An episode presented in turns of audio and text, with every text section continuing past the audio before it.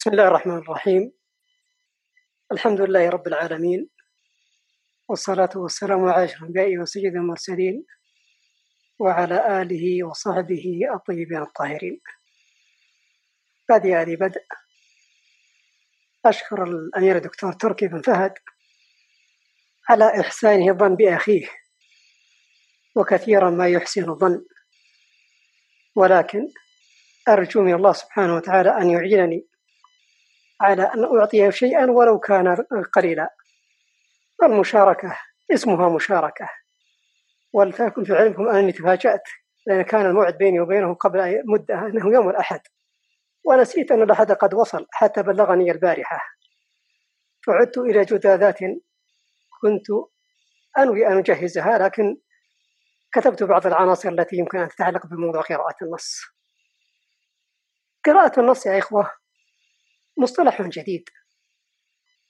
تعلق به كثيرون في النصف الثاني من هذا القرن القرن العشرين وبداية الحادي والعشرين.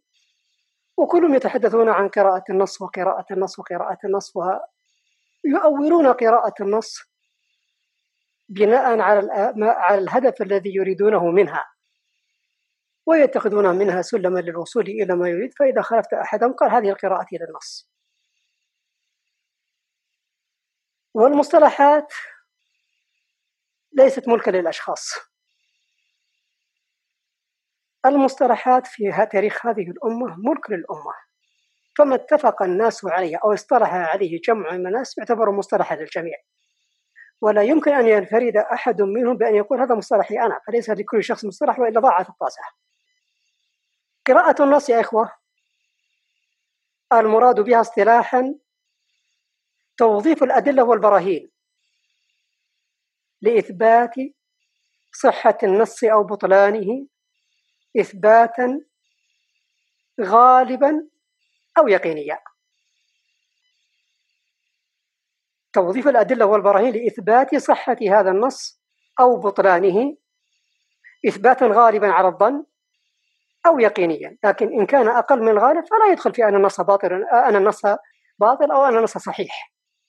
يبقى النص في مكان الحياد ولا يحكم عليه حينئذ. لكن إذا غلب على الظن فحينئذ هذه قضايا ممكن أن يعمل فيها آه، القاعدة المنطقية أو القاعدة الأصولية أو أي قواعد التي يمكن أن تثبت منها. إذا انطلقت في قراءة النصوص أيا كانت. والنصوص لا تخلو كما تعرفون أما نص شرعي أو نص لغوي أو نص آه، حينئذ آه، ليس شرعيا ولغوي وإنما هي وإنما هي نصوص كتبها العلماء والمتأخرون بعد ذلك فحينئذ تخضع لما يخضع له النصان اللغوي والشرعي. النص الشرعي ليس داخلا معي الآن في الحديث وإنما الذي سيركز عليه النص بصفة عامة. النص كيف يقرأ؟ أو ما العوامل التي يمكن أن أقرأ النص من خلالها؟ هناك عوامل متعددة. وسأبدأ بالعامل اللغوي. سأذكر أربعة عوامل سأذكر أربعة عوامل وسأقف معها وقوفا سريعا أو أذكر مثالا أو مثالين على وجه السرعة لئلا أطيل ثم بعد ذلك أفتح باب المناقشة. العامل اللغوي. كيف نوظف العامل اللغوي في قراءة النص أو في استكناه النص أو في معرفة أن النص هذا صحيح؟ أشير إلى مسألة أيضا في حديثي سأتحدث عن بيئتين البيئة النجدية والبيئة الحجازية. لا غضا من البيئات الأخرى ولا انتقاصا منها ولا تزكية لهاتين البيئتين فكل بيئة لها خصائصها التي تتميز بها. وإنما الاعتماد على هاتين البيئتين لأنهما البيئتان التي اللتان عول عليهما في تدوين اللغة. وهذا لا إشكال فيه. المملكة العربية السعودية واسعة الأطراف فيها بيئات متعددة من الشمال إلى الجنوب من الشرق إلى الغرب. ولكن المراد في الحديث حينما نقول العامل البيئة في أهل نجد أو الحجاز المراد بها البيئة اللغوية لهاتين آه، المنطقة البيئتين. على سبيل المثال يعني لن آه، سبيل المثال مثلا مر في أحد المعاجم يقول قال حسان بن ربيعة الطائي وإن نضرب الملحاء حتى تولي, تولي والسيوف لها شهود وإنا نضرب الملحاء حتى تولي والسيوف لها شهود. ويقول قال حسان بن ربيعة الطائي. هذا النص يحتاج إلى تأمل. والتأمل ليس في البيت فالبيت يدل على شاعرية. وهو من الأشعار التي يمكن أن تقال في ذلك الوقت لأنها فيها شيء من الفخر. والبيت آه، يعني شاعريته عالية. لكن يستوق كلمة حسان. والطائي معلوم أن طي أن طيئا قبيلة بدوية. وحسان من أسماء أهل المدن الحاضرة. فكيف يكون حسان وطائي حسان وبدوي ما تركب شوي. ترجع لكتب الخيل تقول يقول لك هذه فرس لحسان الطائي الله. بعد ذلك ترجع لكتب طبقات الشعراء فلا تجد فيها شاعرا اسمه حسان الطائي. اذا الاحتكام للبيئة العامل اللغوي هنا أن الشاعر أنها قبيله طي قبيلة وليس من أعلامها أو من استعمالاتها اللغوية أن يسموا بأسماء الحاضرة مثل حسان. وإنما حسان اسم ماذا؟ من اسماء الحاضرة وليس من اسماء البادية، اذا هناك شك في قراءة هذا النص الذي ورد في هذا المعجم. تعود إلى المعاجم المماثلة لسان العرب ابن منظور قال حسان الطائي، حسان بن ربيعة الطائي. ترجع لتاج العروس للزبيدي تجد أن الزبيدي قال حسان بن ربيعة الطائي، مشكلة. ترجع لكل كتب الشعراء وكتب الأدب لا تجد فيها ذكرا لشاعر اسمه حسان الطائي. إذا أنت أمام نص يغلب على ظنك أن النص ليس صحيحا. والسبب الاستعمال اللغوي. الاستعمال اللغوي. بعد جهد جهيد وجدت تجد أن البيت فيه حماسة أبي تمام منسوب إلى حيان ابن ربيعة الطائي. ترجع تفتش في كتب الشعر تجد حيان. طبعا حيان من أسماء البدو. البدو يسمون حيان.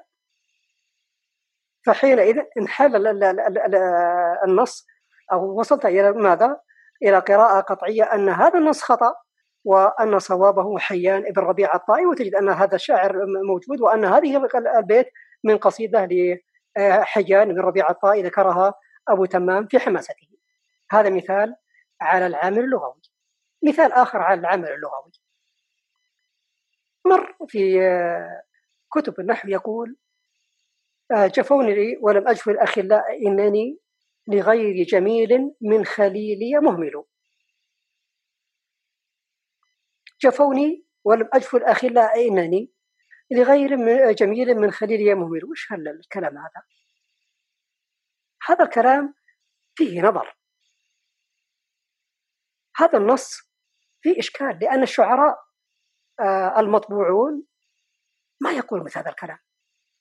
والشعر في هاتين البيئتين النجدية والحجازية إما شعر غزل أو رثاء أو مدح أو هجاء. وبقية الأغراض الأخرى تجي تبعا لكن العوام آه، الأغراض المشهورة عندهم أما شاب يتغزل جايز آه، وهذا كثير أو واحد يبكي على ميت أو يمدح يتكسب أو يرث يرث يرثي ميتا وهذا وارد.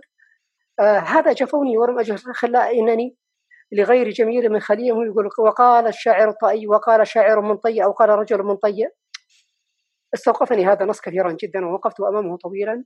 ووصلت إلى قناعة أن هذا البيت لم يقله شاعر. وإنما هو على سبيل التمثيل وأنه نصيحة وأن أول من قاله أنه ابن مالك رحمه الله وابن مالك اسمه محمد بن عبد الله الطائي الجياني. وإذا قال قال الطائي فيعني نفسه وإذا قال رجل مطيع يعني نفسه. فتتضح حينئذ من خلال العامل اللغوي معرفة آه، السياق الذي يرد في هذا الكلام أن هذا الكلام ليس كلاما آه، من البيئة النجدية والحجازية التي تتكلم بهذا مثل هذا في مثل هذا. أنتقل من العامل اللغوي إلى آه، العامل البيئي أو خليني أخذ العرف. العامل العرفي. أنت انتقلت من العامل اللغوي إلى العامل العرفي. العامل العرفي يا إخوة إذا ورد نص يعارض عرفا حكمت على أن النص فيه إشكال. ثم قد يرقى هذا الإشكال إلى أن النص باطل.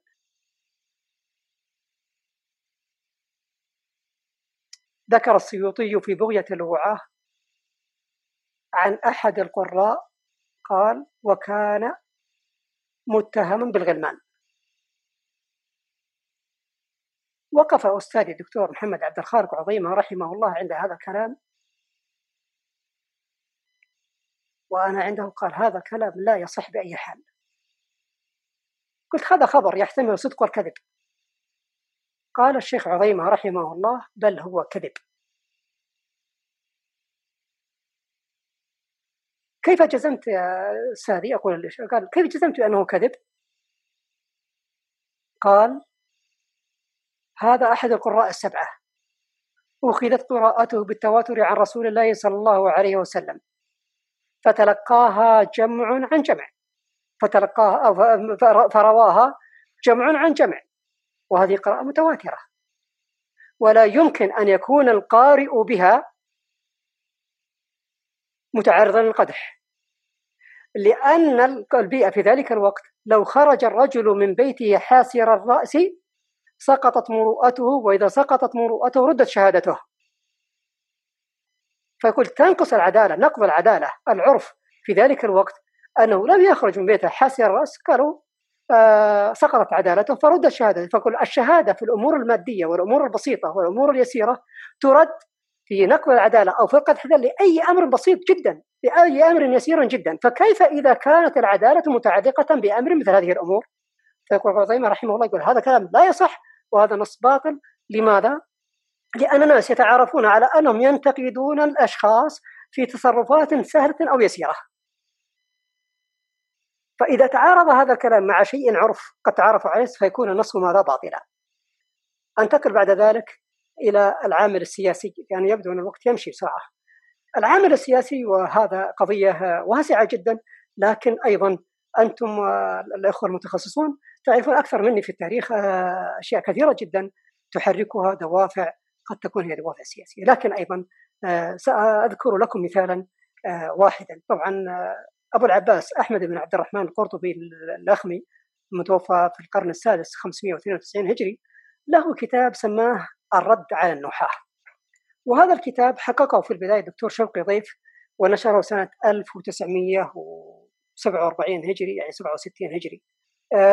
1947 آه، ميلادي يعني تقريبا 67 هجري قبل أكثر من ما يقرب من 100 سنة أو 90 سنة. وبعد ذلك حققه مرة ثانية. وحققه الدكتور محمد إبراهيم البنا من أساتذة الأزهر كلية العربية بالأزهر. وكلاهما أثبت على الكتاب الرد على النحاة لابن مرضاء القرطبي. ابن مرضاء القرطبي يا إخوة طبعا هو عاشر هو كان قاضي ومن قضاة المالكية وكان عاش في فترة يوسف بن عبد المؤمن رحمه الله توفى 580 ثم بعده ابنه يعقوب واشتهر يعقوب بأنه نقم على الفلاسفة وما أقتصر يعقوب ابن يوسف بن عبد المؤمن على هذا بل أحرق الكتب جملة واحدة واتخذ فيها موقف عجيب جدا. فكانوا يأتون بكتب وتحرق كلها كاملة. طبعا القاضي ألف وكان في احتجاج على كل شيء آه، يعني يتعلق بالمشرق القاضي ألف هذا الكتاب وهذا الكتاب لما خرج يقول شيء شوقي ضيف في مقدمته يقول بمجرد أن نشرت الكتاب سنة 1947 أثار ضجة كبيرة في البيئات العلمية فألقى عنه أستاذي المرحوم الدكتور طه حسين كلمة في جامعة اللغة العربية. طبعا طه حسين خاصة أدب والكتاب يتعلق بالنحو والرد على النحويين. لكن الحقيقة أنه أنهم لا الدكتور شوقي ضيف ولا الدكتور محمد البنا ذكروا اسم الكتاب الحقيقي الذي ذكره الأندلسيين أنفسهم أو الذين ترجموا الأندلسيين الكتاب يا إخوة اسمه المشرق في الرد على نحاة المشرق المشرق المشرق يقول فلان أشرق فلان وفلان شرق بريقه وفلان شرق بالشيء. فسمى المشرق في الرد على نحاة المشرق. أسألكم بالله إذا كان هذا عنوان الكتاب إذا الهدف سيح... الكتاب سيهدف إلى أنه كتاب رد على على النحويين المشرقيين وليس رد على العلم. لكن أن تجعله رد على العلم لا على الأشخاص نقلته من هدف إلى هدف. ولذلك احتفى به من احتفى للنيل من النحو. آه لم يجعلوه في سياقه الذي ألف الكتاب من أجله لغرض سياسي في ذلك الوقت. آه وظف توظيفا فيه كلام كثير. بين قوسين علمانية اللغة فصل اللغة عن الدين. هذه اللغة التي تتكلمونها يا إخوة كانت لغة لقلة قليلة في وسط الجزيرة العربية. حتى جاء هذا الدين هذا الإسلام فنزل القرآن بلسان عربي مبين فانتشرت العربي في مشارق الأرض ومغاربها. فاللغة هي جزء من الدين. والنحو بدأ أصلا في القرآن الكريم وإعراب القرآن وتعلق بالقرآن فحين النيل من النحو هو نيل آه، من كتاب الله وسنة رسوله صلى الله عليه وسلم. هذا يتعلق آه، بالجانب السياسي على وجه السرعة. أنتقل إلى القضية الجانب الآخر العامل الآخر الأخير العامل اللغوي ثم العامل العرفي ثم العامل السياسي والعامل الأخير ساتحدث عنه بايجاز أيضا وباقتضاب في كتاب مشهور يتناوله الناس ولا تكاد تخلو منه مكتبة كتاب العقد الفريد لابن عبد ربه الأندلسي. عفى الله عني وعنه واغفر له. آه ابن عبد ربه أبو عمر شهاب الدين أحمد بن محمد بن عبد ربه بن حبيب بن حدير الأندلسي. آه عفى الله عنه وعنه. قالوا عنه أنه كان في شبابه لاهيا ولوعا بالغناء. يعني آه يغني ومطرباني ومبسوط. لكن أيضا يقول حتى عد من فقهاء الأندلس كيف يصير مغني ولاهي ولعب بهذا ثم عد من فقهاء الأندلس. هذه من الأشياء التي تذكر أحيانا لتمرير بعض الأمور التي يراد منها. يا إخوة من الصعوبة بمكان النيل من الرموز. ورموز هذه الأمة تتلخص في القادة حكاما وفي العلماء. ونيل من الحكام أو العلماء تقليل قيمة الرمز في نفوس الآخرين. فهون هون تقلل من قيمتهم وإذا كان النهي مضاعف عن النيل من الحكام والنيل عن المشايخ والعلماء ولم تكن أعراضهم مباحة حمى لكل الناس. إبن عبد ربه لم يألو جهدا في العقد الفريد من أن ينال من عدد من السلف قادة كانوا أو علماء ويسوق من النكت والطرائف عليهم أشياء الكثير. وهذه أمر خطير جدا. حتى ألف كثير منهم أو بعض الناس ألفوا كتبا كاملة والمرجع فيها في روايات التي اعتمدوها هو العقد الفريد ابن عبد الله يقول أنا جردته من الأسانيد. حتى لو ذكر أسانيده والرجل معروف أنه رافضي. فإذا عرفت حقيقة الإنسان استطعت أن تتعامل مع كل النصوص التي يريدها. فإذا كان الكلام يتعلق بأحد المتقدمين من الحكام أو المحكوم من الحكام أو من العلماء أنت في يغلب على ظنك أن هذا الكلام كله أن الكلام يهدف إلى ماذا؟ إلى هدم رموز هذه الأمة ومشايخها وعلمائها. هذا باختصار جدا فيما يتعلق بهذه العوامل التي تتعلق بقراءة النص باختصار طبعا كان عندي هناك بعض الأشياء الطريفة كنت سأقولها لكم لكني ربما أقف وأترك المجال لكم إن شئتم ذلك. وصلى الله على نبينا محمد طبعا طرائف أهل نجد وأهل الحجاز آه، فيما يتعلق بقراءة آه، النص عجيبة جدا وله مواقف من أندر ما يمكن أن يتحدث بها وصلى الله وسلم على نبينا محمد.